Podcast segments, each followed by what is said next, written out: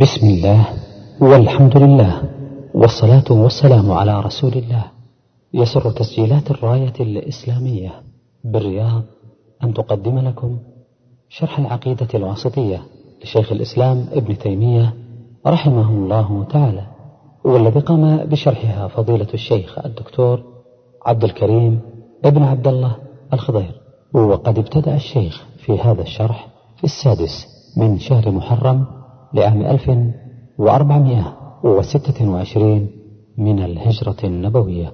والآن نترككم مع الشريط الأول. السلام عليكم ورحمة الله وبركاته.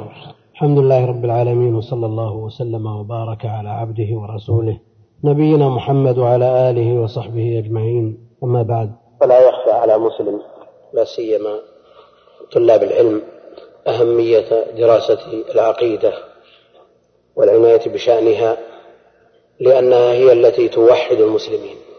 إذا انضووا تحت عقيدة واحدة متلقاة من كتاب الله وسنة نبيه عليه الصلاة والسلام توحدت كلمتهم واجتمعوا ضد عدوهم كما كان الشأن على عهد سلف هذه الأمة وأئمتها من الصحابة والتابعين من بعدهم. والاختلاف الذي نشأ في الأمة لم ينشأ بسبب الاختلاف في المسائل الفرعية لأن هذا الاختلاف موجود بين الصحابة ومرده إلى اختلاف الفهوم إنما نشأت الفرقة والعداوات وفشلت الأمة بعد تنازعها واختلافها في الأصل وهو الاعتقاد. والخلاف في الاعتقاد بدأ قديما أوله في عصر الصحابة حينما نشأت فرقة الخوارج الذين كان مبدأهم من استدرك على النبي صلى الله عليه وسلم فقال اعدل يا محمد. ويحه إن لم يعدل الرسول عليه الصلاة والسلام ممن يعدل. قال النبي عليه الصلاة والسلام يمرق يخرج من ضئضئ هذا قوم تحقرون صلاتكم عند صلاتهم وصيامهم وصيامكم عند صيامهم وقراءتكم عند قراءتهم. وأخبر أنهم يقرؤون القرآن لا يجاوز تراقيهم وأخبر أنهم يمرقون من الدين كما يمرق السهم من الرمية. ومروقهم من الدين وخروجهم منه على خلاف بين أهل العلم في المراد به. المراد من خروجهم من الدين الانسلاخ عنه بالكلية ومقتضى ذلك تكفيرهم أو أن المراد بالدين هنا التدين.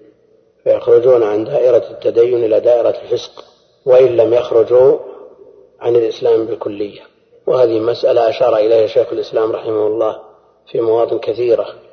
مثل هؤلاء مثل هذه الطائفة لا شك أنهم سبب شر ونزاع وسفك دماء من القرن الأول ومن الرعيل الأول ثم بعد ذلك حدث طوائف كالمعتزلة في عصر التابعين ثم تتابعت الفرق ونشأت.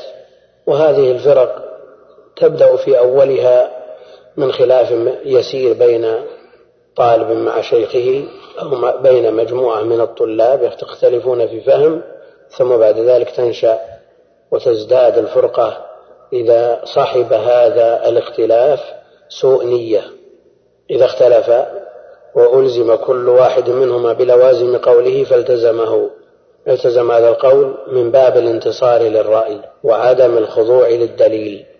يزداد هذا الأمر شيئا فشيئا إلى أن يصل الحد إلى أن يقول كلاما لا يقوله عاقل. فيستدرج الإنسان ويلج في كلامه ويتعصب لرأيه فإذا قيل له يلزم من كلامك كذا قال نعم ويلتزم به. ويلتزم به ثم يبني عليه وبهذا توسعت الخلافات المذهبية الكلامية وظهر من البدع الشيء الكثير المفسق منها والمكفر. هناك بدع مغلظة مكفرة صلى الله السلامة والعافية.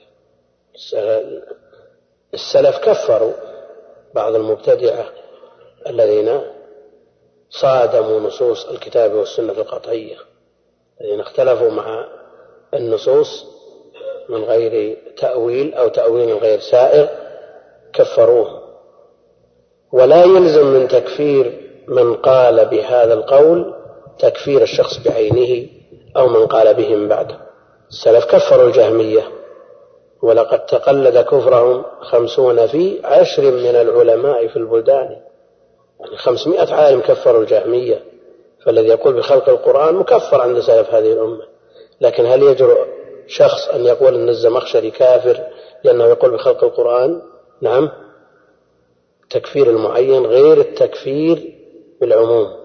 على كل حال توسعت هذه الأمور وزادت الفرقة والشقة إلى أن وجد في الأمة من يقول سبحان ربي الأسفل. لأنه يلزم بلوازم ويستلج ويتعصب للرأي فيلتزم. يلتزم. ووجد من يقول ألا بذكر الله تزداد الذنوب وتنطمس البصائر والقلوب. وجد هذا في, في, في الأمة. ووجد من الأقوال ما هو شر من ذلك وما هو دونه. المقصود أن الخلاف في هذا الباب شر وتحقيق هذا الباب. أعني باب الاعتقاد. باب الاعتقاد هو الحافظ للأمة بإذن الله تعالى. ويشير إليه قوله جل وعلا وليبدلنهم من بعد خوفهم أمنا يعبدونني لا يشركون بي شيئا فالأمن, فالأمن مربوط بتحقيق التوحيد ونفي الشرك عن الله جل وعلا. فتحقيق الاعتقاد من أهم ما ينبغي أن يعنى به طالب العلم وتحقيق الاعتقاد لا يتسنى له إلا بأخذه عن أهله أصحاب العناية بكتب سلف هذه الأمة الذين تصدوا لنشر العقيدة الصحيحة المستقاة من كتاب الله وسنة نبيه عليه الصلاة والسلام. والذين تصدوا لرد البدع ووقفوا في نحور المبتدعة ومقامات أهل العلم في هذا لا تخفى على أحد. من يخفى عليه مقام الإمام أحمد في مسألة القول بخلق القرآن؟ كيف نال الإمامة إلا بمثل هذه هذه الوقفة الصادقة مع الله جل وعلا؟ والعلم عند الله جل وعلا أن الإمام أحمد لو لم يقف هذه الوقفة ويضحي بنفسه في سبيل تحقيق العقيدة الصحيحة لأنه يلزم على القول بخلق القرآن لوازم التزمها بعضهم حتى قال بعضهم إن القرآن ليس واحد ولا اثنين ولا ثلاثة. عندنا أربعة قرآنات.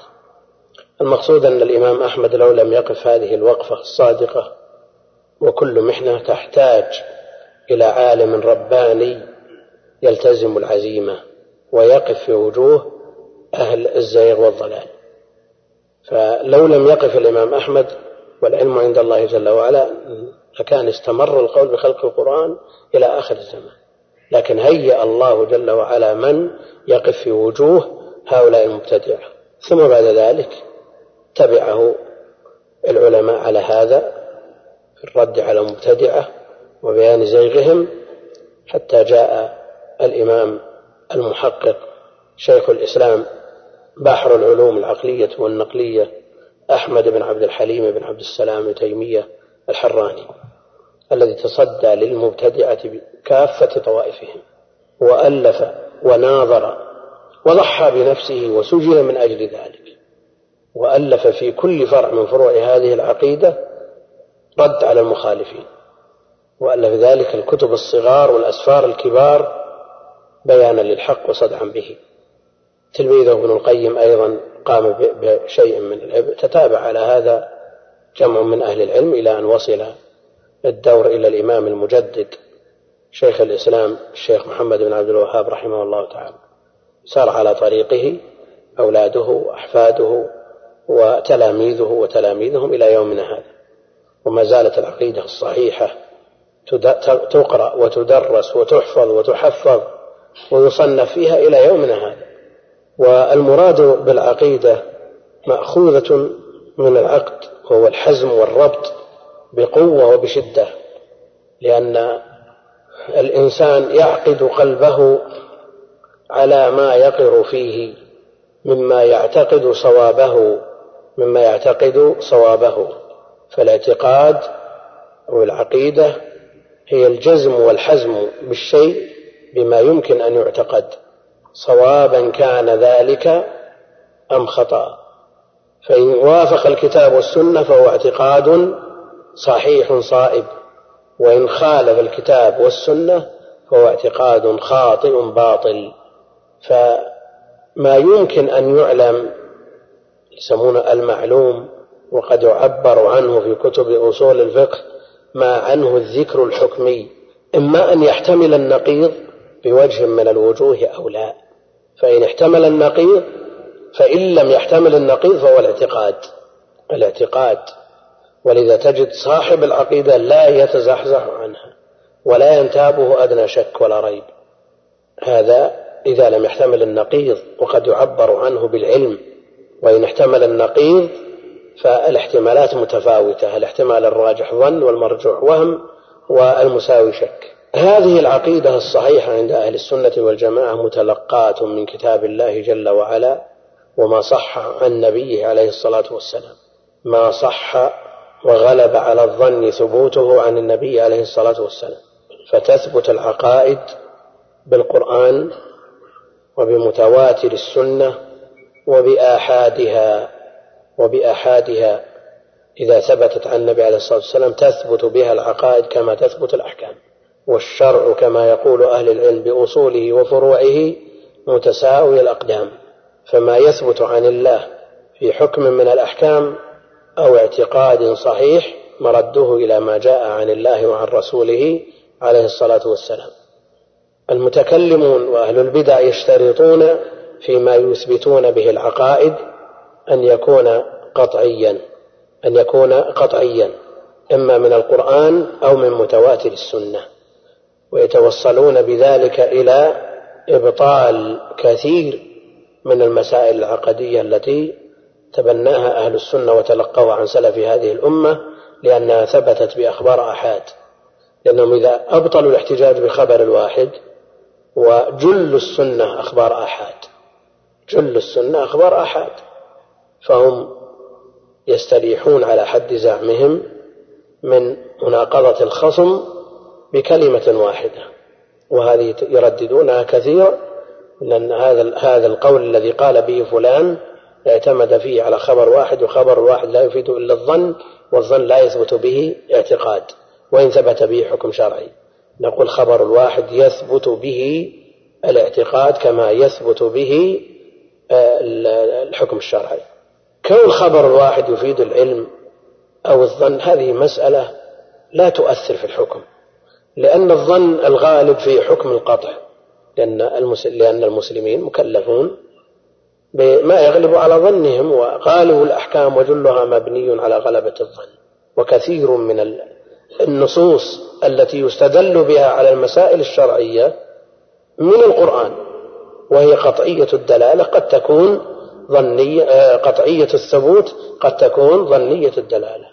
يعني حينما يستدل الحنفية على وجوب صلاة العيد بقول الله جل وعلا فصل لربك وانحر. يعني هل أحد يشك في ثبوت مثل هذا الكلام؟ قطعي الثبوت لكن دلالته على صلاة العيد قطعي ولا ظني؟ ظني لأن بدليل أن جمهور أهل العلم ما استدلوا به على وجوب صلاة العيد. فالقول بأن هذه أخبار آحاد ولا تفيد إلا الظن والظن لا يثبت بالعقائد ماذا عن قوله جل وعلا الذين يظنون أنهم ملاقو ربهم يظنون أنهم ملاقو ربهم الذي يشك في البعث الذي يتردد في البعث. نعم. ما ما مصيره وما مآله. اللهم إلا إذا كان الداعي إليه شدة الخوف من الله جل وعلا كما في حديث لئن قدر الله علي ليعذبني إلى آخره ثم أوصى بأن يحرق ويذر في الهواء وهذا في شرع من قبلنا.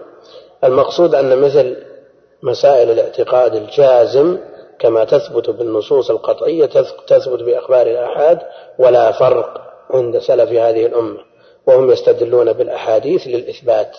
أثبتوا الرؤية إنكم ترون ربكم كما ترون القمر ليلة البدر لا تضامون على ذلك ولا تضامون. أثبتوا بمثل هذا الرؤية ورتبوا عليها أن من نفى الرؤية مبتدع وبدعته مغلظة بل بعضهم صرح بتكفيره. المقصود أنه لا يشوش على طالب العلم بما يردده آه، المبتدع عن مثل هذا الكلام. إذا عمد المبتدع إلى إبطال خبر الواحد وأنه لا يفيد إلا الظن والظن لا ينفع في العقائد هذه الحجة التي يدرون بها يرتاحون من معارضة تسعين بالمئة من النصوص التي تثبت بها العقائد. وسيأتينا في هذا الكتاب اعتماد المؤلف على أخبار الآحاد كغيره من من سلف هذه الأمة. وهذه من الشبه التي يرددها أهل الكلام بناء على أن الظن قبر واحد لا يفيد إلا الظن. لماذا؟ لاحتمال أن هذا الواحد الثقة الضابط الحافظ المتقن يخطئ في كلامه لأنه ليس بمعصوم. نقول نعم ليس بمعصوم. لكن عندنا قواعد ومقدمات شرعية نبني عليها نتائج شرعية. فأهل هذا الشأن يثبتون الخبر بمثل هذا الراوي. مع قيام مثل هذا الاحتمال نعم ليس بمعصوم. ليس بمعصوم ومع ذلك أثبتوا بمثل هذا الخبر الذي جاءنا عن طريق هذا الراوي الذي ليس بمعصوم. احتمال الخطأ وارد لكن يبقى أن هذه مقدمة شرعية نلتزم بنتائجها. إذا روى هذا الراوي الموثق عند أهل العلم التزمنا بخبره ما لم يعارض ممن هو أقوى منه أو يتبين أنه أخطأ فيه لأن ما أخطأ فيه الراوي الثقة مالك حفظ عليه أخطأ. لكن لا يعني أن, أن, أن, أن لا نقول مالك نجم السنن لأنه ليس بمعصوم. وقل مثل هذا في غير مالك. الظن الذي استدلوا على أنه لا يثبت لا تثبت به الحقائق لأن الظن لا يغني من الحق شيئا. صحيح الظن لا يغني من الحق شيئا. والظن أكذب الحديث. نعم لكن مع ذلك هو درجات متفاوتة. يصل إلى ما يقرب من القطع. ومن من أقوى الأدلة على قبوله في مثل هذا الباب قوله جل وعلا الذين يظنون أنهم ملاقو ربهم وهذه عقيدة. فثبتت بالظن. بظن المكلف لا أن الآية ظنية الآية قطعية. فمثل هذا يطنطن به المبتدعة ليبطلوا كثير مما تقرر عند أهل السنة من الاعتقاد. ويردون هذه الأحاديث التفصيلية وهذه الأدلة الصحيحة الثابتة عن النبي عليه الصلاة والسلام يردونها بشبهة شبهة التنزيه لله جل وعلا لأن إثبات كذا يقتضي التشبيه. فهم ينزهون الله جل وعلا عن اليد لأن اليد معروف أنها الجارحة ويشبه بهذا المخلوق. الوجه السمع البصر إلى غير ذلك من الصفات التي ثبتت بالأدلة الصحيحة. هذه شبهة تمسكوا بها. لكن كيف وردت عليهم هذه الشبهة؟ كيف انطلت عليهم هذه الشبهة؟ نعم. الله جل وعلا يقول ليس كمثله شيء وهو السميع البصير. ليس كمثله شيء مع إثبات السمع والبصر. فإثبات السمع والبصر لا يقتضي التمثيل ولا التشبيه لأن الله جل وعلا جمعها في آية واحدة. فمجرد إثبات ما أثبته الله جل وعلا لنفسه لا يعني أننا جعلناه مثل غيره من الأشياء. الإمام ابن خزيمة في كتاب التوحيد يقول الله جل وعلا له وجه الإنسان له وجه نعم الحيوان له وجه الكلب له وجه الخنزير له وجه يختلف في هذا. يختلف أن الإنسان وجه. طيب الكلب له وجه الخنزير له وجه الديك له وجه. هل هذه الوجوه متشابهة؟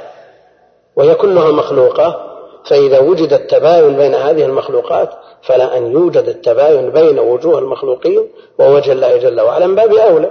فلكل مخلوق ما يخصه وللخالق جل وعلا ما يخصه. فإذا أثبتنا الوجه لله جل وعلا لا يعني أننا نثبت وجها يشبه وجه المخلوق أبدا بحال من الأحوال. وهؤلاء إنما أتوا حينما مروا على قنطرة التشبيه والتمثيل. كيف توصلوا إلى التعطيل ونفي الصفات إلا بعد أن مروا بقنطرة التشبيه؟ فلما مروا بقنطرة التشبيه ورأوا أن هذه تقتضي التشبيه على حد زعمهم والله جل وعلا لا يشبهه شيء من خلقه ليس كمثله شيء. أرادوا بذلك أن توصلوا إلى أن يعطلوا الله جل وعلا مما أثبته لنفسه وأثبته له رسوله عليه الصلاة والسلام من الصفات. لئلا يلزم من إثباتهم التشبيه والإلزام ليس بلازم. الإلزام هذا ليس بلازم والله جل وعلا ليس كمثله شيء وهو أيضا السميع البصير. فكما أن ذاته جل وعلا لا تشبه الذوات فكذلك صفاته لا تشبه الصفات. هذا العلم الشريف الجليل يطلق عليه علم العقيدة أو علم الاعتقاد وصنف في هذا كتب كثيرة شرح اعتقاد أهل السنة والاعتقاد البيهقي والعقيدة الواسطية التي معنا وإرشاد العباد إلى تصحيح الاعتقاد كتب كثيرة في هذا الباب بهذا اللفظ بالعقيدة والاعتقاد. يطلق عليه أيضا علم أصول الدين وأصول ويطلق عليه أيضا أصول الديانة وأصول الدين يطلق عليه أيضا آه، الإيمان. والإيمان بأركانه الستة بأركانه الستة التي جاءت في جواب جبريل جواب النبي عليه الصلاة والسلام لجبريل حينما سأله عن الإيمان يطلق عليه أيضا اعتقاد. لأنه لا بد من العقد الجازم للإيمان بهذه الأمور الستة. سيذكرها الشيخ رحمه الله. والإيمان ألف فيه أيضا كتب كثيرة. البخاري في كتابه الصحيح كتاب الإيمان. وكتاب الإيمان لابن مندة. كتاب الإيمان لشيخ الإسلام. وغير كتب كثيرة بهذا الاسم. أيضا يطلق عليه التوحيد. التوحيد. ويشمل أنواع التوحيد الثلاثة الربوبية والألوهية والأسماء والصفات. وتوحيد الأسماء والصفات هو المدون في هذه العقيدة التوحيد. وألف في التوحيد كتب كثيرة التوحيد لابن خزيمة التوحيد لابن مندة التوحيد للإمام المجدد شيخ الإسلام محمد بن عبد الوهاب وغيرها كثير. وكتاب التوحيد من صحيح البخاري من أنفع ما يدرسه طالب العلم إضافة إلى كتاب التوحيد للإمام المجدد. هذه العقيدة التي ألفت فيها هذه المؤلفات يدرسها طالب العلم كغيرها من العلوم بالتدريج. ففي كتب العقيدة السهل الميسر الذي يناسب المبتدئين وفيها أيضا ما هو أعلى من ذلك وما يناسب المتوسطين ومنها ما يناسب المتقدمين ومنها ما يناسب أهل العلم الكبار وفي مسائلها من يشكل ما يشكل فهمه على كثير من المتعلمين. فمما يناسب المبتدئين أن يبدأ طالب العلم بكتب الإمام المجدد الكتب المختصرة مثل الأصول الثلاثة من القواعد الأربع مثل كشف الشبهات وغيرها من كتبه وكلها والله كتب مخدومة الآن عليها الشروح المسموعة والمقروءة فهي محل عناية من العلم والجادة لتعليم العقيدة في هذه البلاد على هذا يبدأ بهذه الكتب. ثم بعد ذلك ينتقل الطالب إلى كتاب التوحيد للشيخ محمد بن عبد الوهاب بشروحه وحواشيه ولا يحصى كم شارح لهذا الكتاب. ثم بعد ذلك يأتي دور العقيدة الواسطية. هذا التدريج المعمول به في هذه البلاد والذي مشى عليه أهل العلم. مختصرات الشيخ محمد رحمه الله ثم بعد ذلك آه، كتاب التوحيد له ثم بعد ذلك العقيدة الواسطية لشيخ الإسلام ابن تيمية ومن من أنسب ما يقرأ لشيخ الإسلام ابن تيمية بالنسبة لأحد المتعلمين لأن بعض كتب الشيخ صعبة على كثير من المتعلمين. طالب العلم إذا أتقن هذه العقيدة وقرأ بعدها الطحاوية والحموية والتدمرية تأهل على هذا الترتيب لأن يقرأ في كتب العقيدة كلها. يبقى أن في كتب شيخ الإسلام من المباحث التي يعجز عنها كثير من المتعلمين لأن لها ارتباط بعلم الكلام. وعلم الكلام جاء التحذير عنه في كلام السلف وشددوا في النكير على من تعاناه وتعاطاه. لكن شيخ الإسلام لما عرف علم الكلام لكي يرد على المتكلمين. علم الكلام أفتى ابن الصلاح والنووي وغيرهم بتحريم النظر فيه. فابن الصلاح والنووي حرم وقال قوم ينبغي أن يعلم. لكن معرفته لمن يريد الرد على المبتدعة الأمور بمقاصدها والوسائل لها أحكام المقاصد. شيخ الإسلام لما احتاج أن يرد على هؤلاء اضطر أن ينظر في علمهم يقول ابن القيم رحمه الله تعالى وكذلك التأسيس أصبح نقضه أعجوبة للعالم الرباني ومن العجيب أنه بسلاحهم علم الكلام ومن العجيب أنه بسلاحهم أرداهم نحو الحضيض الداني. كيف يتعامل مع كتبه ما يفهمه؟ لما أراد أن يرد على النصارى في الجواب الصحيح اضطر أن يقرأ في كتبهم. وهكذا. لكن هل يفتح الباب لكل أحد أن يقرأ؟ شيخ الإسلام نفسه يقول عن علم الكلام والمنطق والفلسفة يقول لا يحتاج إليها الذكي ولا يستفيد منها الغبي. وهي كما قيل كلحم جمل غث على رأس جبل. متعبة مصدعة. لكن إذا تعين الرد على إنسان لا بد أن يعرف جميع المقدمات التي يحتاج إليها. لكن لا بد كما قال بعضهم أن أن يتصدى لهذا الفن كامل القريحة. صحيح الاعتقاد من تأسس وبنى علمه على أصل متين من علم الكتاب والسنة والاطلاع التام على علم سلف الأمة. لما يجي شخص مهزوز قاعدته ليست ثابتة فيريد أن يرد على هؤلاء يمكن يعلق في ذهنه شبهة لا يستطيع التخلص منها. كيف يستطيع أن يرد على الرازي مثل هذا الذي أساسه مهزوز شيخ الإسلام رد عليه بقوة وأرداه كما قال ابن القيم. وتفسيره مملوء بالشبه التي عجز هو عن ردها الرازي. فكيف يردها من لا يتعلم ما يحتاج ووصيتي لطلاب عامة طلاب العلم أن لا ينظروا في علم الكلام.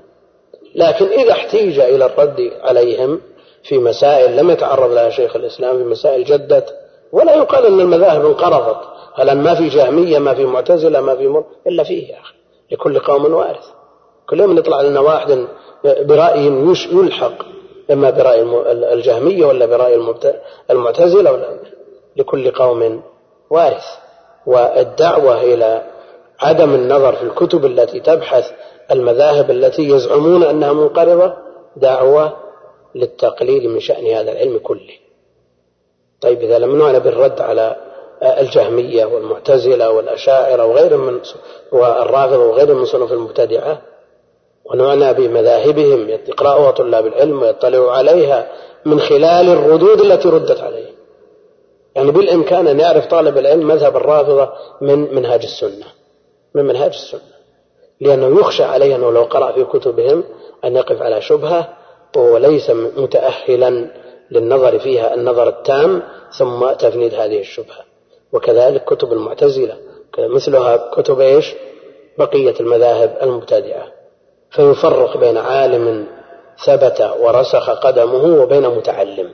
بعض الناس من باب بعض الناس يتكايس ويقول من باب التحقيق العلمي ورد النصوص إلى مصادرها الأصلية. وهذا من الدلائل على قوة البحث والباحث أن نرجع كل قول إلى كتب أهله. كيف ترجع إلى كتب أهله وأنت ما تأهلت؟ إذا تأهلت لا أحد يمنعك. وعمر رضي الله تعالى عنه لما رأى في يده النبي عليه الصلاة والسلام قطعة من التوراة غضب. أفي شك أنت يا ابن الخطاب؟ يعني هل أنت بحاجة إلى أن تنظر في هذا؟ في أحد في ذلك الوقت يروج لمذهب الديانة اليهودية من أجل أن ينظر في كتب ويرد عليه. عندك المعصوم المؤيد بالوحي لست بحاجة إلى مثل هذا. والسخاوي له كتاب أسماءه الأصل الأصيل في ذكر الإجماع على تحريم النظر في التوراة والإنجيل. ومقصوده التوراة والإنجيل المحرفة التي بأيدي اليهود والنصارى.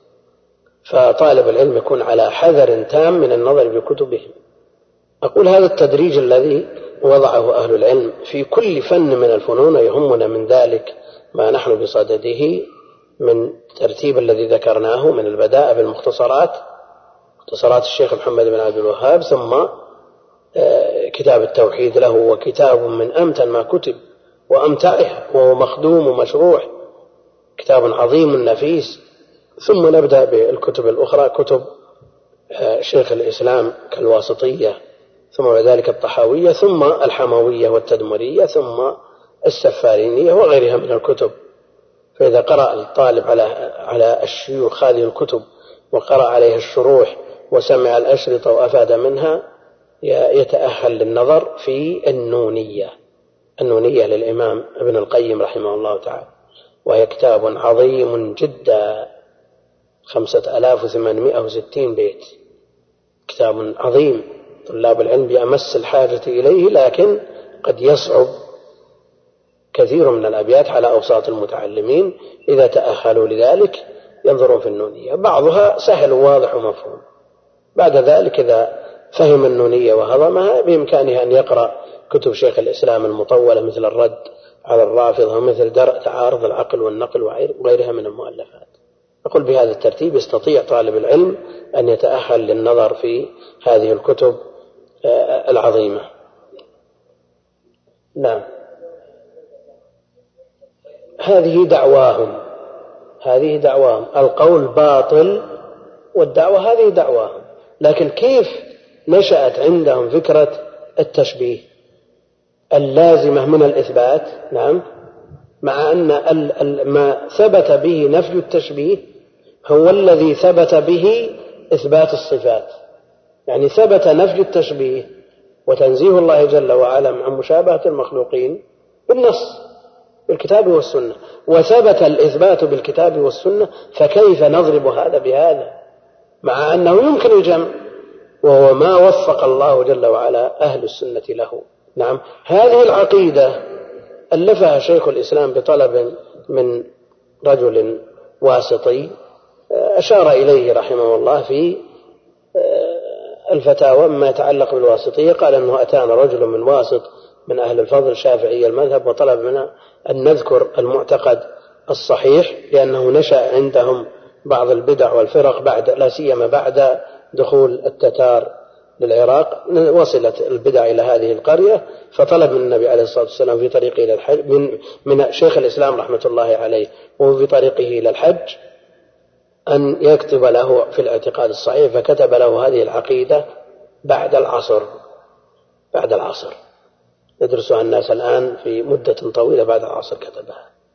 كتب الفتوى الكيلانية وصاحبها مستوفز يريدها وطبعت في مئة صفحة وثلاثين صفحة. الإنسان إذا أراد أن يحرر فتوى من سطرين أو ثلاثة يحتاج إلى ساعة. شيخ الإسلام يكتب مثل هذه وصاحبها مستوفز يريدها. لماذا؟ العلم. العلم. المبني على الكتاب والسنة. العلم قال الله وقال رسوله ونقلل من شأن الحفظ وتبعا لذلك نهدر الفهم ونطلب علم. هذا ليس بصحيح. الذي لا محفوظ له لا علم عنده. سبب التأليف لهذا الكتاب ذكره الشيخ رحمه الله تعالى في مجموع الفتاوى. وقلت لهم هذه كان سبب كتابتها أنه قدم من أرض واسط بعض قضاة نواحيها. شيخ يقال له رضي الدين الواسطي من أصحاب الشافعي قدم علينا حاجا وكان من أهل الخير والدين وشكى ما الناس فيه بتلك البلاد في دولة التتر من غلبة الجهل والظلم ودروس الدين والعلم. وسألني أن أكتب له عقيدة تكون عمدة له ولأهل بيته فاستعفيت من ذلك وقلت قد كتب الناس عقائد متعددة فخذ ببعض عقائد أئمة السنة. فألح في السؤال وقال ما أحب إلا عقيدة تكتبها أنت فكتبت له هذه العقيدة وأنا قاعد بعد العصر. هذه العقيدة لما كتبها الشيخ رحمه الله تعالى تناولها الناس بالحفظ والدرس والإقراء والتحفيظ والشرح وأكثر الشروح غير مدونة يعني ما من عالم في هذه البلاد وغيرها من تأليف الكتاب إلا وهو يدرس العقيدة الواسطية يدرس العقيدة الواسطية ويملي على طلابه شرحا ويعلق الطلاب عنه لكن هناك شروح مدونة وهي وإن كانت متأخرة لماذا تأخر شرحها؟ لأنها واضحة وسهلة. عند المتقدمين مثل هذه ما تحتاج إلى شرح. يفهمها الطالب بمجرد ما يقرأها على الشيخ ويحلل له بعض الألفاظ ما تحتاج لشرح مدون. نعم؟ فهي واضحة. فلا تحتاج إلى شرح. شرحها الشيخ عبد الرحمن بن سعدي تنبيهات لطيفة. وشرحها وعلق عليها الشيخ محمد بن عبد العزيز بن مانع والشيخ محمد خليل هراس. وشرحها أيضا الشيخ عبد العزيز بن ناصر بن رشيد رئيس محكمة التمييز توفي رحمة الله عليه. وشرحها أيضا الشيخ زيد الفياض. شرح ابن رشيد اسمه التنبيهات السنية على العقيدة الواسطية. هو شرح موسع ومتقن ومحرر ومضبوط. شرح تحليلي للواسطية. شرح الشيخ زيد بن فياض شرح موسع ومستفيض لكنه ليس تحليليا إنما يأتي إلى المقطع من الواسطية فينقل عن شيخ الإسلام من كتبه الأخرى بإفاضة وينقل عن ابن القيم وينقل عن غيرهما. فهو شرح موضوعي الأول تحليل والثاني موضوعي. نظير ذلك شرح الشيخ محمد خليل هراس على النونية. هذا تحليلي وإن كان مختصرا. شرح الشيخ ابن عيسى موضوعي. يأتي إلى الأبيات التي موضوعها واحد فيردفها بكلام لشيخ الإسلام ابن تيمية والابن القيم مما يوضح هذا الكلام. شرحها بعد ذلك الشيخ عبد العزيز بن محمد السلمان بشروح الكواشف الجلية والأسئلة والأجوبة على العقيدة الواسطية. شرح الشيخ محمد بن صالح بن عثيمين في شرح مطبوع وشرح الشيخ صالح الفوزان وشرح جل المشايخ. جميع مشايخ هذه البلاد الذين درسوها لهم شروح لكن بعضها مدون وبعضها غير مدون والتسجيل نفع في الأوقات المتأخرة. قد لا يتسنى للشيخ أن يجلس ويحرر شرحا بيده لكن يلقي على الطلاب ويسجلون ثم يفرغ يصير شرح ولما يصير شرح. أما قبل ذلك قبل انتشار التسجيل الشيخ محمد بن إبراهيم شرحها مرارا الشيخ ابن حميد شرحها مرارا رحمة الله على الجميع الشيخ ابن باز شرحها. وهؤلاء لا يكتبون بأيديهم. لا لو تيسر التسجيل سجل عنهم ثم فرغ. والشيخ له تعليقات الشيخ عبد العزيز رحمه الله. المقصود أنك أنه كتاب مخدوم وشروحه كثيرة.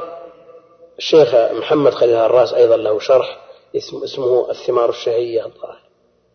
المقصود أن شروح هذا الكتاب كثيرة جدا ومطبوعة ومتداولة بين يدي طلاب العلم. ولا يعني هذا أن طالب العلم لسهولة الكتاب وكثرة شروحه أنه يستغني به عن عن حضور الدروس. أبدا. العلم إنما يكون بالعكوف بين يدي المشايخ وكل شيخ مدرسة مستقلة. يمكن تجلس عند شيخ تسمع منه من العلم ما لم تسمعه من غيره ولم تقرأه لغيره.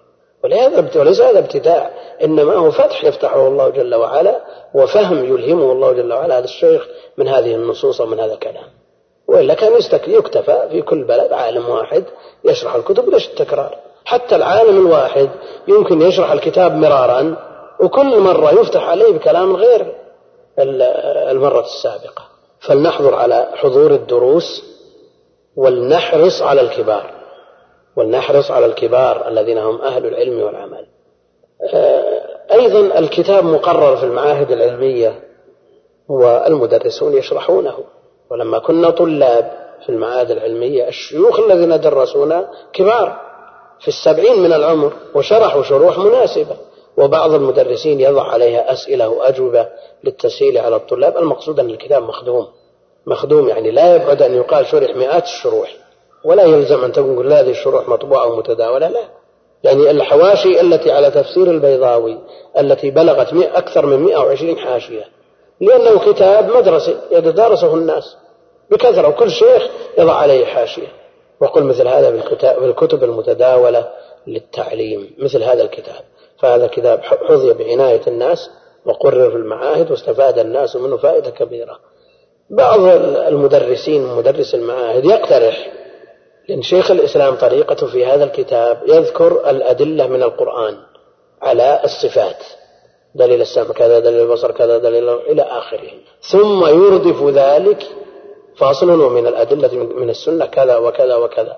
يقول لو جمع الدليل من الكتاب والسنة على صفة واحدة بدلا من يتشتت الطالب يقرأ في الأدلة من الكتاب ثم ينتقل إلى الأدلة من السنة. نقول يا أخي كتب أهل العلم ينبغي أن لا يتعرض لها بتغيير. أبدا.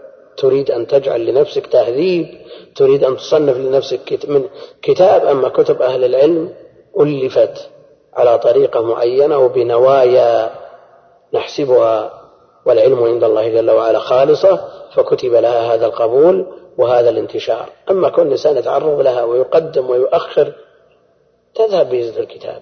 والكتاب الذي يعرض لمثل هذا يعرض للإلغاء. لأنه لا يلبث أن يأتي من يخترع اقتراح آخر. ثم بعد ذلك وهكذا يعرض تخلخل الكتاب مشكلة يتعرض للإلغاء. وهذا اقتراح من بعض مدرس المعاهد ورد هذا الاقتراح. لأنه يبقى الكتاب كما هو. والعلم دين. فانظر عمن تأخذ دينك. يعني تأخذ من كتاب ألفه شيخ الإسلام باسمه ويحمل اسمه. وبقي كما كتبه. مثل كتاب لمدرس من المدرسين قدم وأخر وزاد ونقص. لا يا أخي والله المستعان. فبدءا من الأسبوع القادم نشرح الكتاب شرحا يكون مختصرا مناسبا نقسمه على 12 درس.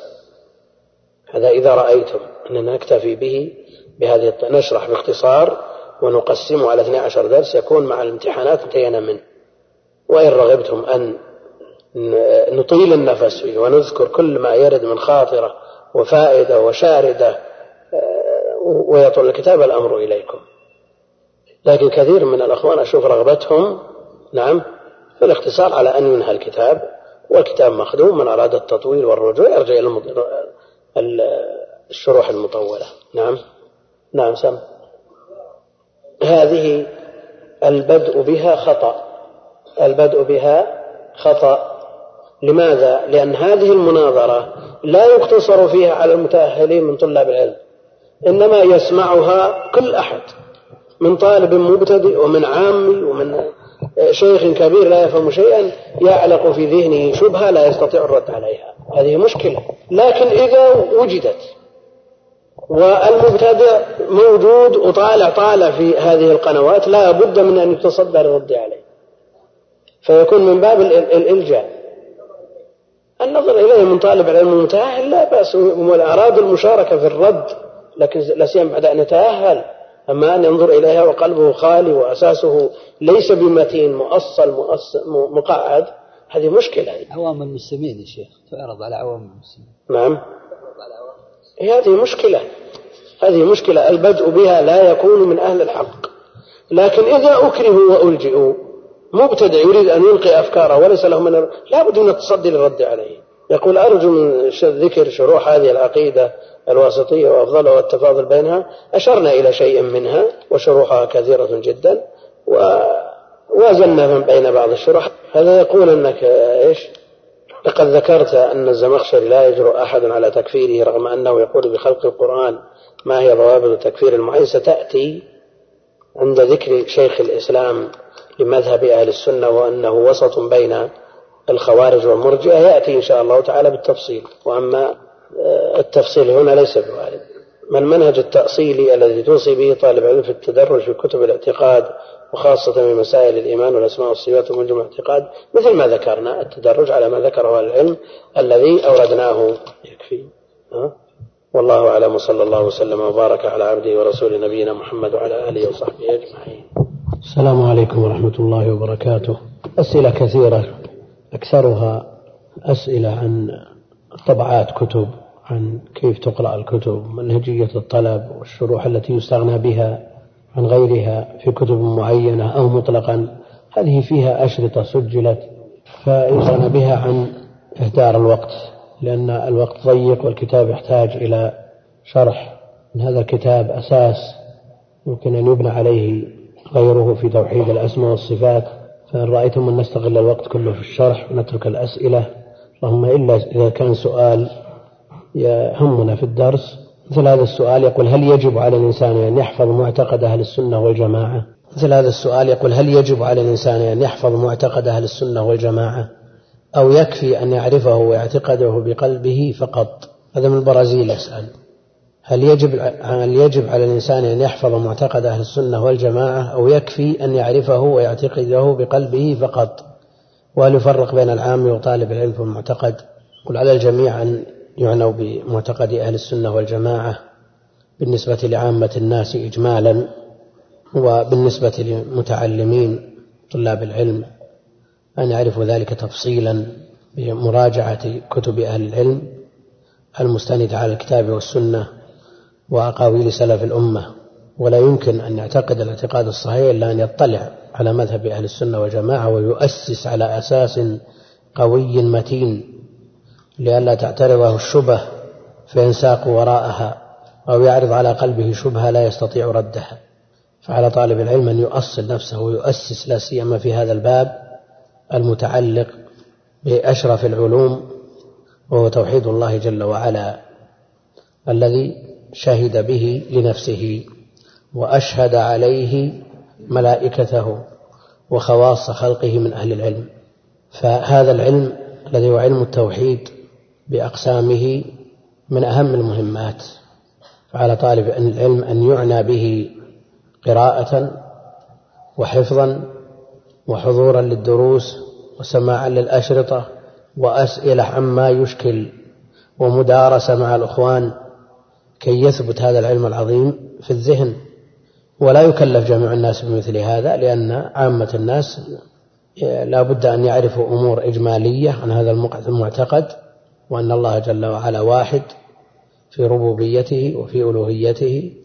لا يجوز أن يصرف شيء مما يستحقه لأحد غيره وأنه موصوف بصفات الكمال وأن له الأسماء الحسنى إلى غير ذلك من الأمور العامة الإجمالية ولا يكلف العامي بمعرفة التفصيلات لأن هذه من شأن أهل العلم لا سيما وأن التفصيلات في هذا العلم مما يعسر فهمه على كثير من الناس.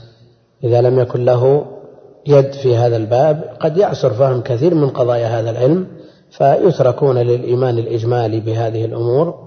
وأما الأمور التفصيلية فشأن أهل العلم. ولذا اقتصر النبي عليه الصلاة والسلام لما سأل الجارية المراد عتقها قال قال لها أين الله؟ قالت في السماء.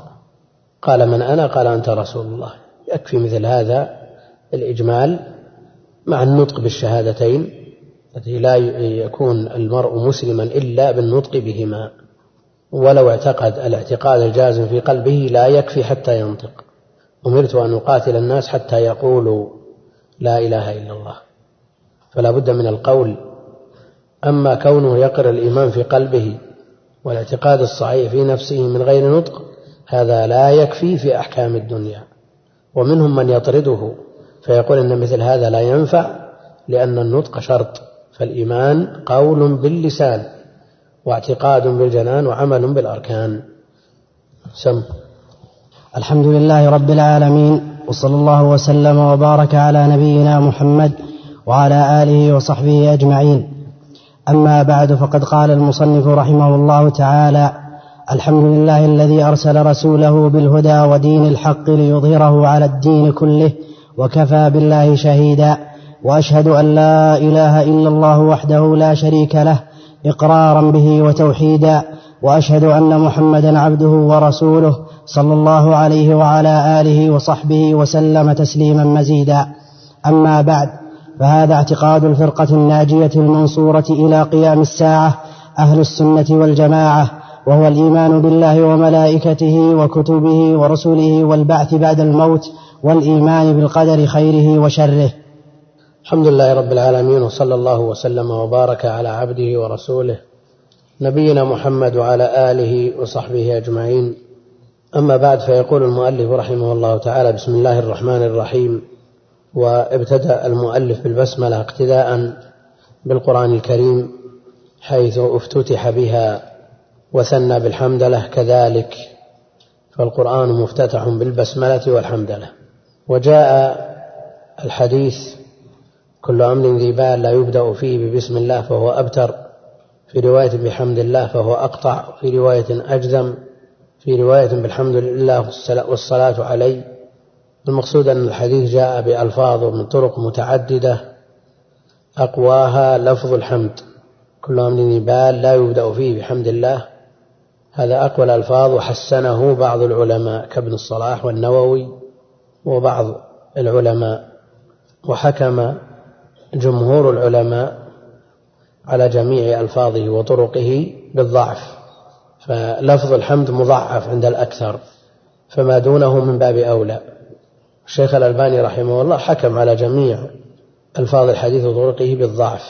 فإذا أردنا امتثال ما في هذا الخبر النووي رحمه الله لما يورد مثل هذا الخبر ويرى أنه وإن كان ضعيفا يعمل به في مثل هذا لأن هذه فضيلة وليست بحكم شرعي وعندهم الفضائل يتسامح فيها. مثل هذا ذكر والأذكار من الفضائل والفضائل يتسامحون فيها عند جمهور أهل العلم لا يشددون مثل الأحكام. هذا ما قرره النووي في هذه المسألة لكن ينبغي أن يعتنى بما ثبت عن النبي صلى الله عليه وسلم. إذا جزمنا بأن جميع ما ورد في, في هذا من لفظ أو طريق كله ضعيف هل معنى هذا أننا لا نبدأ بالبسملة والحمد لله لأن ما جاء فيها ضعيف. هل معنى هذا أننا لا نبدأ بهما. النبي عليه الصلاة والسلام في رسائله يبدأ بالبسملة وفي خطبه يبدأ بالحمدلة والقرآن جمع بينهما. بعض من كتب مع الأسف في العقيدة هذا مر علينا للفحص لبيعه في أحد المعارض ووجدنا مطلعه يقول كانت الكتب التقليدية تبدأ بالبسملة والحمدلة يقول كانت الكتب التقليدية تبدأ بالبسملة والحمدلة طيب هل هذا لأن الحديث بجميع طرقه وألفاظه ضعيف؟ يعني مثل ما يقول بعضهم يجلس بعض الناس إلى أن تنتشر الشمس اقتداء بفعل النبي عليه الصلاة والسلام كما في الصحيح عنه أنه يجلس إلى أن تنتشر الشمس. لكن صلاة الركعتين التي جاء فيها ما جاء صلى الصبح بجماعة وجلس في مصلاه حتى تطلع الشمس صلى ركعتين فله أجر حجة تامة تامة في رواية العمرة. هذا الحديث ضعيف. هل معنى هذا أننا لا نصلي ركعتين لأن الحديث ضعيف أو لا نجلس لأن الحديث ضعيف؟ نجلس لأن النبي عليه الصلاة والسلام جلس وثبت عنه في الصحيح أنه كان يجلس. ونبدأ بالبسملة والحمد لله لأن القرآن افتتح بهما والنبي عليه الصلاة والسلام يفتتح رسائله بالبسملة وخطبه بالحمدلة وإذا شهد فعله عليه الصلاة والسلام لهذا الخبر الضعيف فعملنا بما ثبت لا يعني أننا اعتمدنا على ما ضعف. لكن بعض الناس يخفى عليه مثل هذا وينساق وراء بعض الدعوات التي صدرت من بعض الناصحين المخلصين وهي عدم الاشتغال بما لم يثبت عن النبي صلى الله عليه وسلم. فيفهم مثل هذا الكلام على إجماله فيقول مثل هذا الكلام كانت الكتب التقليدية تبدأ بالبسملة والحمد لأن الخبر ضعيف بجميع طرقه وألفاظه. وأحدهم يقوله من من الشباب الطيبين يقول لصاحبه بعد أن انتشرت الشمس قال تبي تمشي تبي نمشي ولا تصلي صلاة العجائز؟ لأن الخبر ما ثبت دام ما ثبت ما هو مصلي. وما يدري أن هناك في صلاة اسمها صلاة الضحى جاءت فيها النصوص الكثيرة. يا أخي صلي ركعتين. نعم. بنية الضحى. لأن هذا وقته إذا ارتفعت الشمس بدأ الضحى. بعض الدعوات لقيت قبولا ومن حقها أن تقبل لأنها من أناس مصلحين ومخلصين. ولها حظ من النظر لكن لا يعني أننا يصير عندنا ردود أفعال عن بعض الأشياء فننقلب إلى الضد. ابن القيم رحمه الله تعالى لما شرح في طريق الهجرتين حال الأبرار وحال المقربين وضع برنامج يمشي عليه الأبرار وبرنامج آخر أشد منه يسير عليه المقربون. من الاستيقاظ من النوم إلى إلى مجيء النوم الثاني. برنامج خطة يسيرون عليها. لكنه لما شرح حال الأبرار ذكر أن الجميع يحضرون إلى صلاة الصبح ويقربون من الإمام ويستمعون لقراءته وقرآن الفجر مشهود مؤثر في النفس ثم بعد ذلك يصلون ويجلسون يذكرون الله في مصلاهم إلى أن تطلع الشمس وترتفع. ثم قال عن الأبرار يصلون ركعتين ثم ينصرفون. وقال عن المقربين أنهم يفعلون هذا الفعل فإن شاءوا صلوا ركعتين وإن شاءوا انصرفوا دون صلاة. هل هذا لأن الأبرار أفضل من المقربين؟ لا. المقربون أفضل من الأبرار وبرنامج الأبرار أخف من برنامج المقربين. لكن لماذا الأبرار يصلون الركعتين والمقربون إن شاءوا صلوا وإن شاءوا انصرفوا دون صلاة؟ هذا له دلالة بالنسبة للحديث أن الحديث يضعفه بهذا. نعم يضعفه بهذا بهذا العمل. لكن ما معنى كونه يقول إن الأبرار يصلون الركعتين والمقربون إن شاءوا صلوا وإن شاءوا انصرفوا دون صلاة. لماذا فرق بين الفريقين؟ نعم. يقصد إيش؟ نعم. صحيح. نعم. المقربون ينصرفون من عبادة إلى عبادة وعبادات. وأما الأبرار فهم إذا أدوا هذا العمل على هذا الوجه وصلوا الركعتين بنية صلاة الضحى مثلا وانصرفوا إلى أعمال دنياهم أما المقربون فينصرفون من عبادة إلى أن تنتشر الشمس ينصرفون إلى بيوتهم يقرؤون يؤلفون يعلمون يصلون صلاة الضحى إذا رمضت الفصال تكون صلاة الأوابين إلى آخره. أما أننا نقول مثل هذا القول كانت الكتب التقليدية تبدأ بالبسملة والحمدلة أو مثل ما يقول تبي نمشي ولا نصلي صلاة العجائز؟ كلام مشكلة هذا. يعني هذه ردة فعل من كونه الخبر يعني فيه ما فيه إذا ينسف نسف تام. هذا ما هو بصحيح. وليس بالمنهج. ولهذا كثرت الشواذ عند بعض طلاب العلم. على طالب العلم أن يسلك الجادة ولا يعتمد في عمله ولا يتدين إلا بما ثبت عن الله وعن الرسول عليه الصلاة والسلام. لكن لا يكون عنده ردود فعل تؤثر مثل هذه الآثار.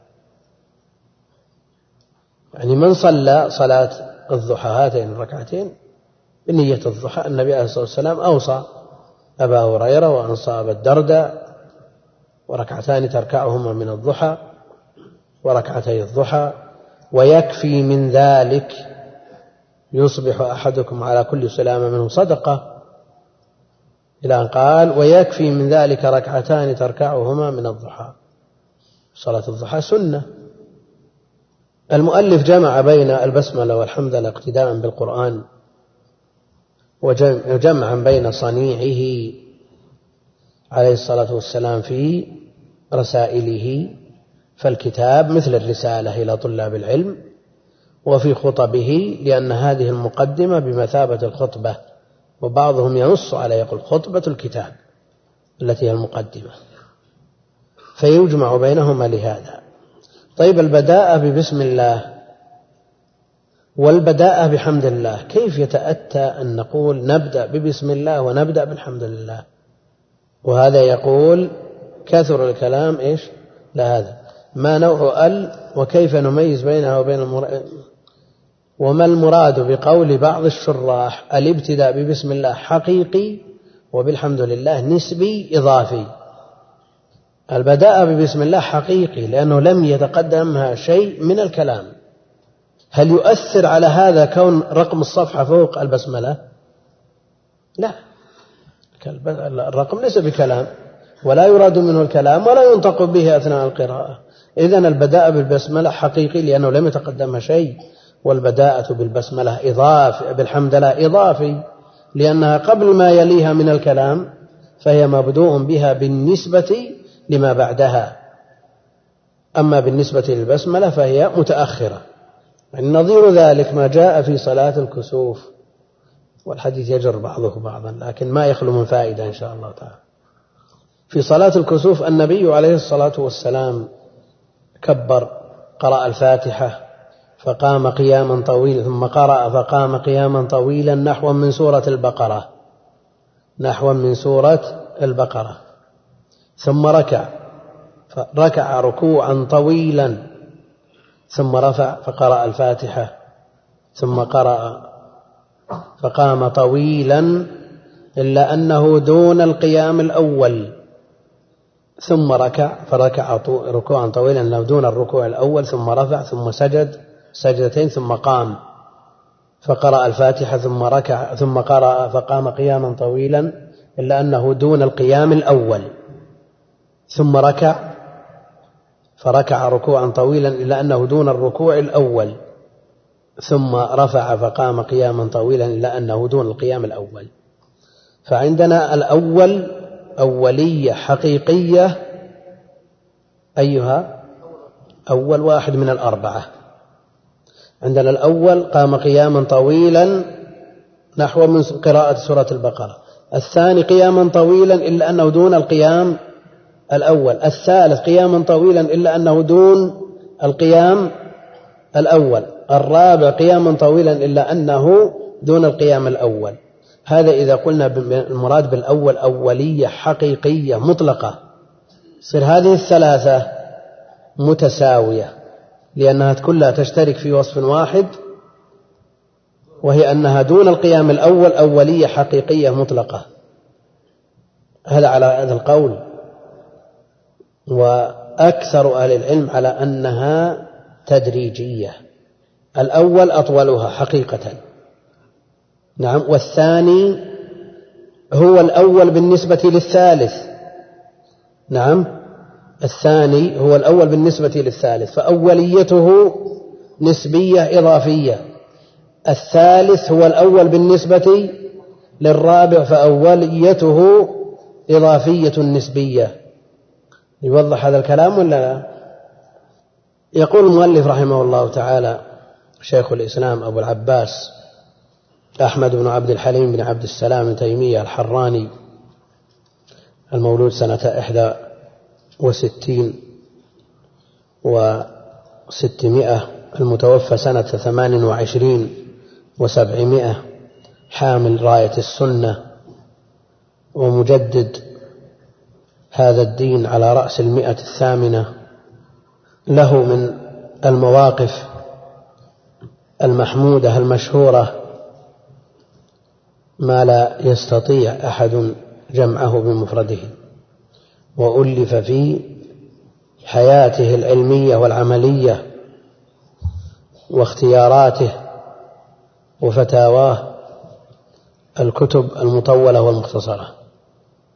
ولسنا بحاجة إلى الإفاضة في ذكر ما عنده ما تميز به من علم وعمل ولا نحتاج إلى الإشارة إلى إحاطته بمذهب أهل السنة وما كتب فيه. والمذاهب الأخرى وأقاويل الناس وفرقهم ومذاهبهم فقد أحاط بها إحاطة تامة. كما قال ابن القيم رحمه الله ومن ومن العجيب أنه بسلاحهم أرداهم نحو الحضيض الداني. يرد عليهم بسلاحهم رحمه الله تعالى. بسم الله الرحمن الرحيم. إلباء هذه للتبرك أو للاستعانة والاسم المجرور بالباء من السمة أو من السمو على خلاف بين البصريين والكوفيين من السمة وهي العلامة كما يقول الكوفيون أو من السمو وهو العلو والارتفاع كما يقول البصريون. وهل هو عين المسمى أو غيره؟ مسألة يطول شرحها وقد يصعب فهمها على بعض الحاضرين. والاتفاق على أننا نجمل في كثير من القضايا التي لا يحتاجها المتوسطون من طلاب العلم لأن هذا الكتاب مناسب للمتوسطين. بسم الله ما دام التبرك والتيمن بالاسم والمراد به التيمن والتبرك بذكر الله جل وعلا. ولذا قال بعضهم إن إقحام الاسم للتفريق بين التيمن واليمين. لو لم نقل بسم الله لو قلنا بالله لاشتبه الأمر. هل نحن نتبرك بذكر الله جل وعلا؟ نعم. أو نقسم بالله جل وعلا؟ التيمن والتبرك. فيختلط الأمر. هل الأسلوب أسلوب تيمن أو يمين؟ فتوصل لدفع هذا الإشكال بإقحام الاسم. ولفظ الجلالة الله العلم على الذات الإلهية الذي لم يسمى به غيره جل وعلا وما عداه من الأسماء الرحمن كذلك لم يسمى به إلا على طريق المعاندة مع الإضافة كما قالوا عن مسيلم أنه رحمن اليمامة. وأما من عداه فلم يسمى به ولا يطلق لفظ الرحمن بهذه الصيغة إلا على الله جل وعلا ولم يتسمى به أحد البتة. وهذا الاسم وإن كان علم من الأسماء الحسنى على الله جل وعلا إلا أنه يأتي تابع للفظ الجلالة. قل ادعوا الله أو ادعوا الرحمن. وهنا يقول بسم الله الرحمن. وأما لفظ الجلالة فلم يأت تابعا كما قرر ذلك ابن القيم رحمه الله تعالى إلا ما جاء في أول سورة إبراهيم. صراط الله العزيز الحميد الله. ما جاء إلا في هذا وهو وارد على كلام يرد على كلام ابن القيم لكن الأصل أن الاسم العلم المتبوع لا التابع هو لفظ الجلالة.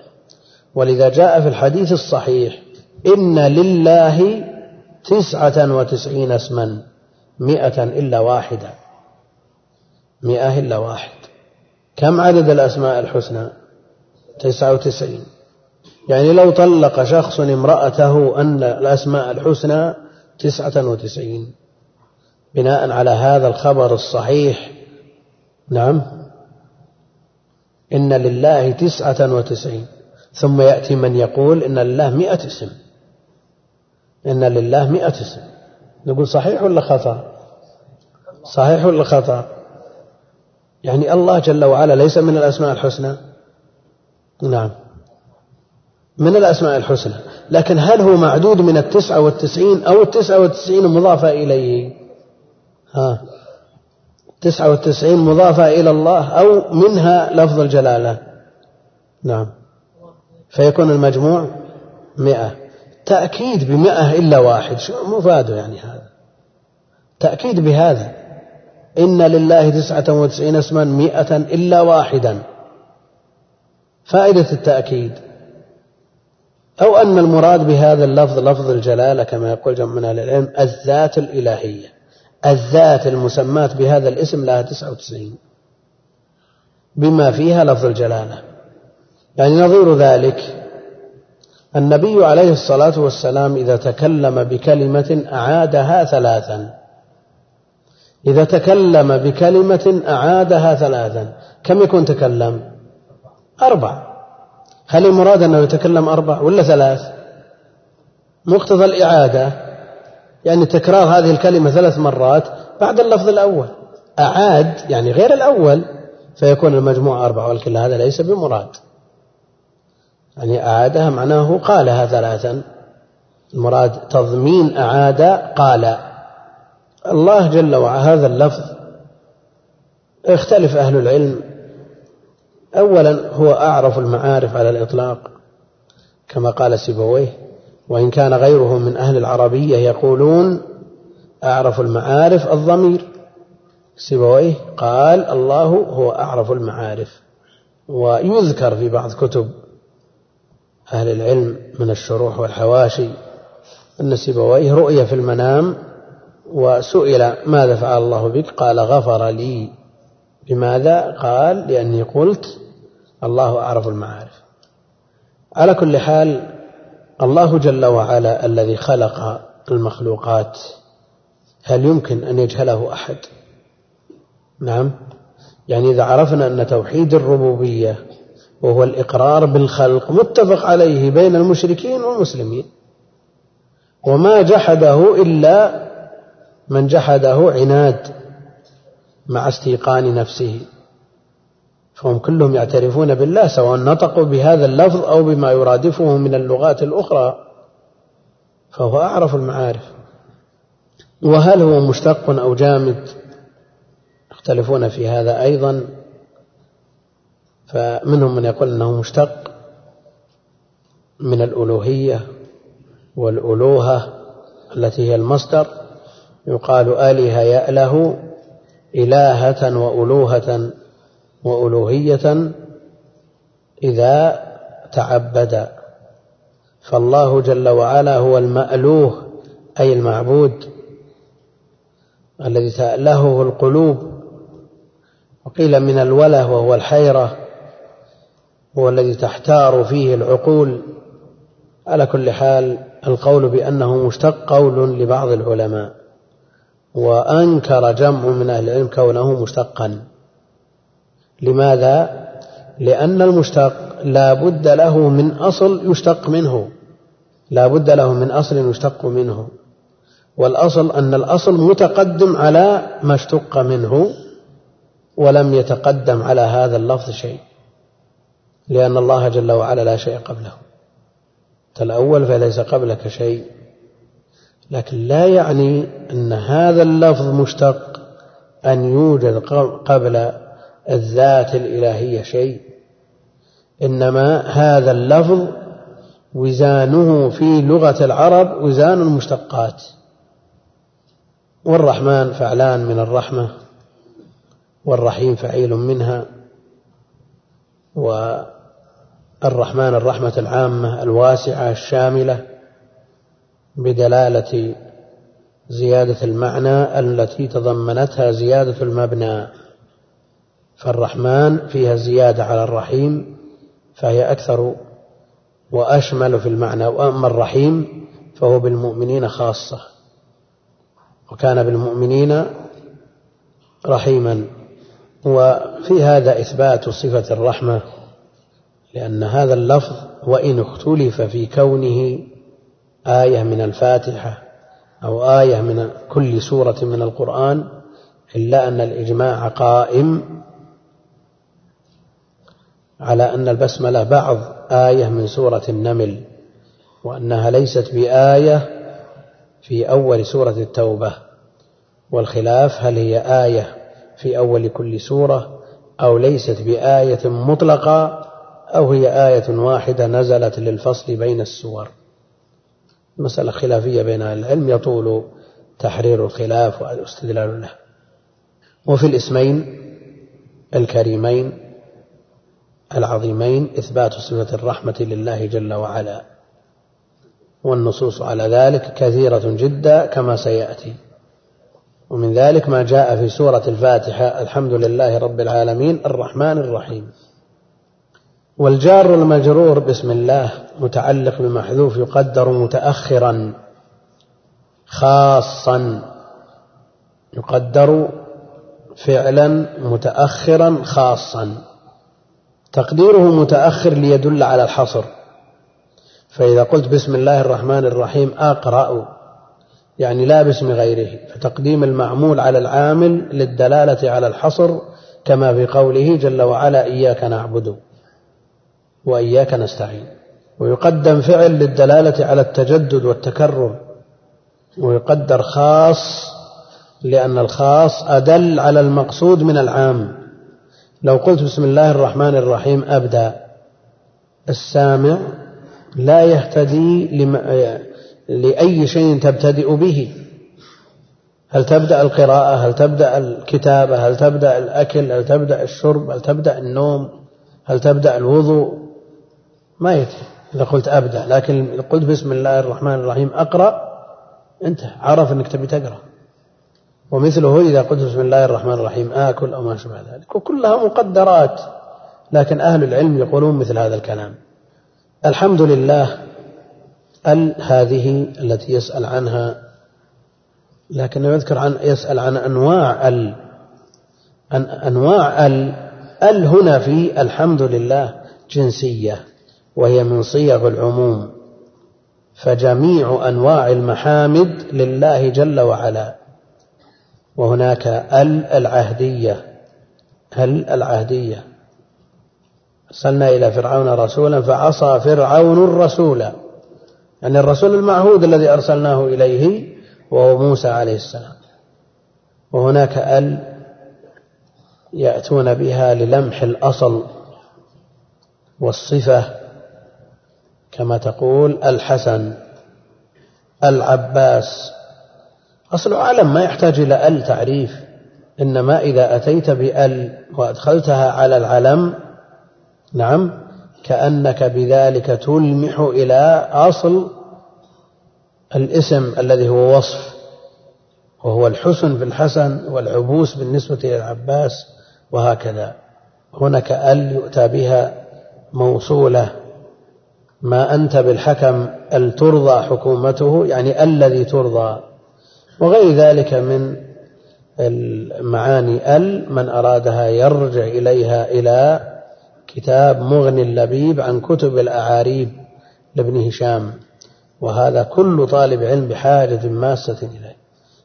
والحمد والشكر لفظان ينبغي أن يكون أن يكون على لسان المسلم يكون لهجا ولسانه رطبا بحمد الله وشكره.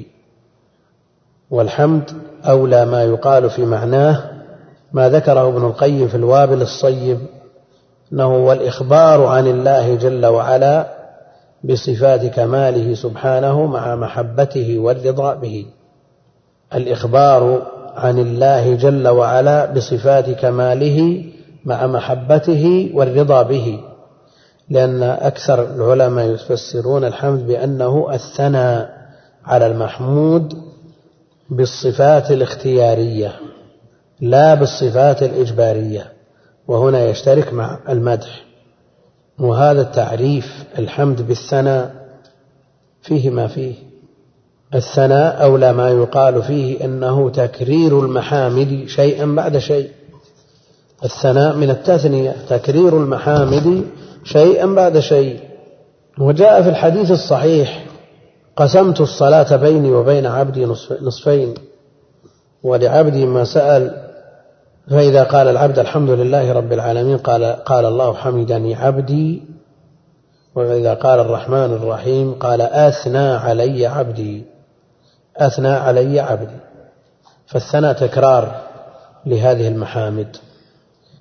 هذا عنده اقتراح يقول لو شرعتم في مسائل الكتاب مباشرة فإنها هي المقصودة والاستطراد في غيرها سيكون على حسابها وأنتم أبصر.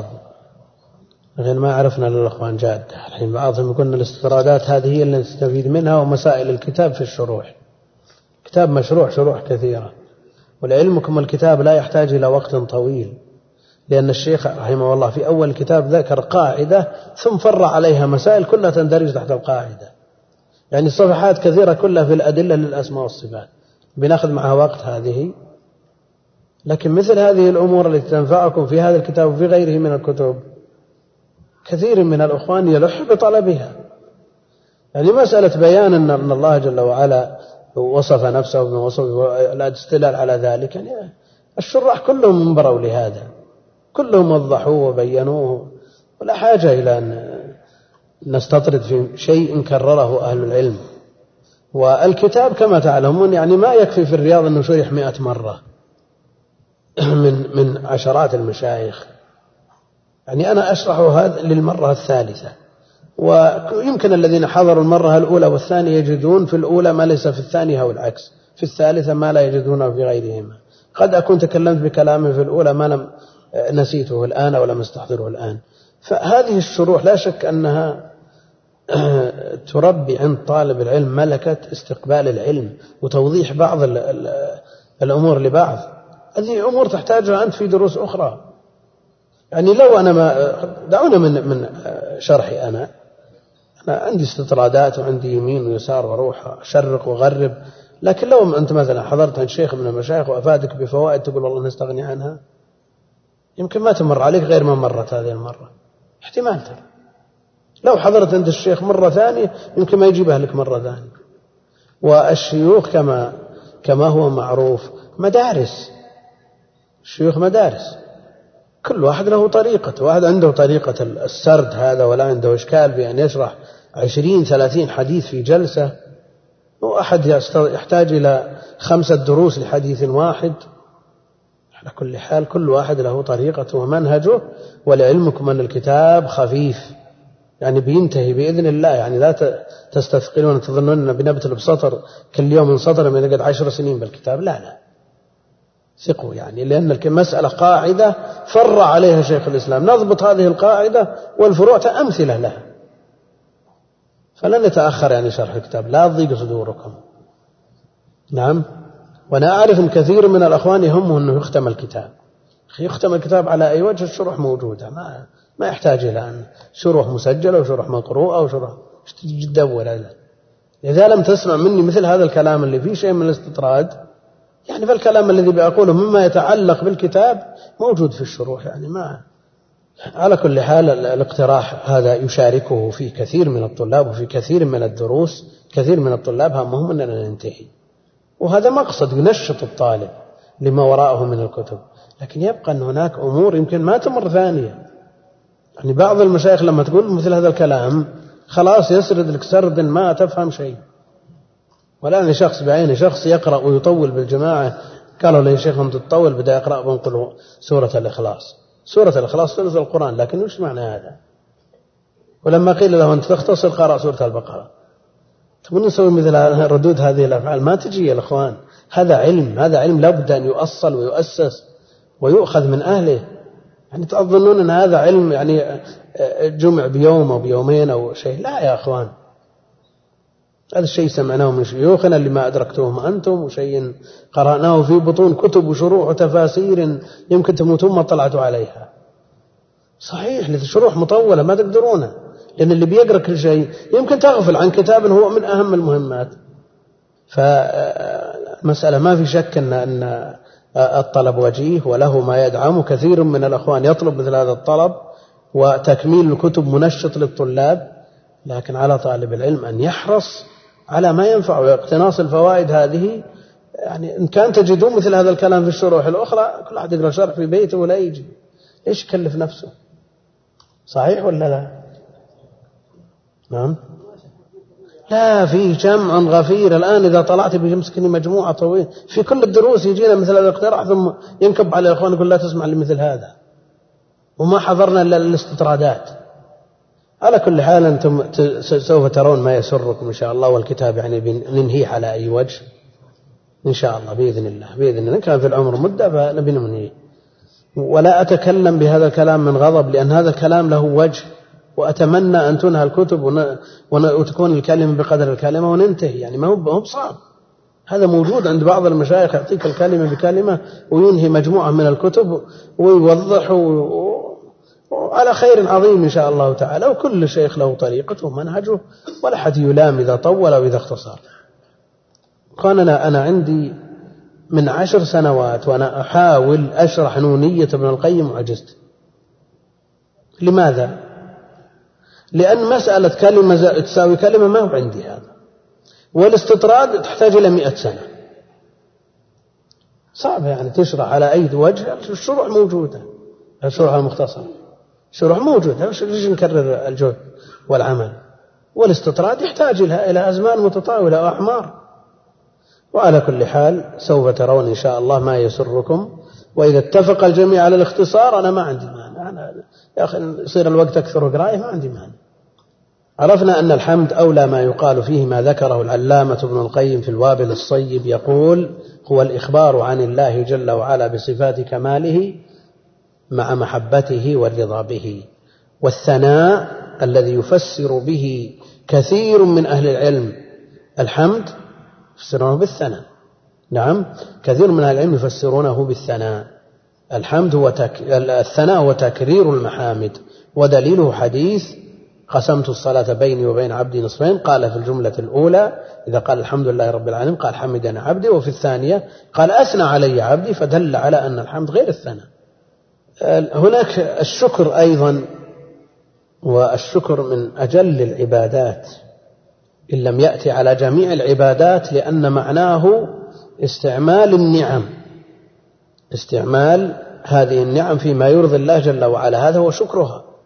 استعمال الجوارح استعمال الوقت الذي هو من من أعظم النعم استعمال الصحة الفراغ كلها فيما يرضي الله جل وعلا. والنعم عموما إذا لم تستعمل فيما خلقت له من ما يرضي الله جل وعلا انقلبت نقام فعلى هذا على الإنسان أن يستمر شاكرا لله جل وعلا.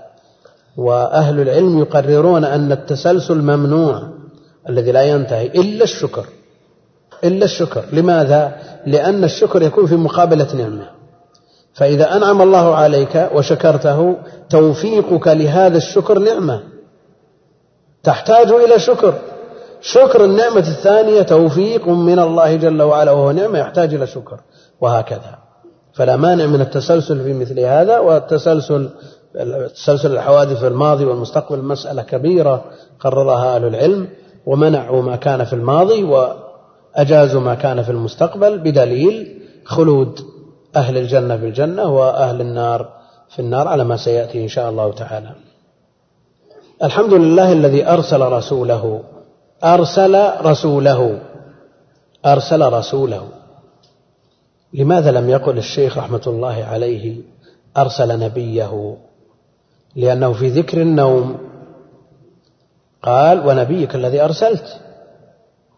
ولما جاء الصحابي البراء يعرض على النبي عليه الصلاة والسلام قال ورسولك الذي أرسلت؟ قال لا. ونبيك الذي أرسلت. فلماذا لم يقل الشيخ رحمه الله تعالى أرسل رسوله موافقة؟ نعم. ليش؟ لا. للآية. للآية. ما في موافقة للحديث في موافقة للآية. والذي أرسل رسوله بالهدى إلى آخره. يعني هذا منزوع من آية اقتباس من آية. ولا معارضة بين هذا وبين الحديث. الحديث ذكر في موضعه متعبد بلفظه لا يصر لا يتصرف فيه. الذي أرسل رسوله والرسول المراد به محمد عليه الصلاة والسلام. والرسول يعرفه الجمهور بأنه إنسان ذكر أوحي إليه بشرع وأمر بتبليغه. أوحي إليه بشرع وأمر بتبليغه. فإن أوحي إليه ولم يؤمر بالتبليغ فنبي. فكل رسول نبي ولا عكس هذا ما ارتضاه وقاله وقرره الأكثر. شيخ الإسلام رحمه الله تعالى يقول الرسول الذي يأتي بشرع جديد. الرسول الذي يأتي بشرع جديد لأنهم يستبعدون أن يوحى إلى شخص بشيء يخصه ولا ينتفع به غيره. فالرسول عند شيخ الإسلام وما قرره الذي يأتي بشرع جديد والنبي الذي يأتي مكمل ومتمم لشرع قبله.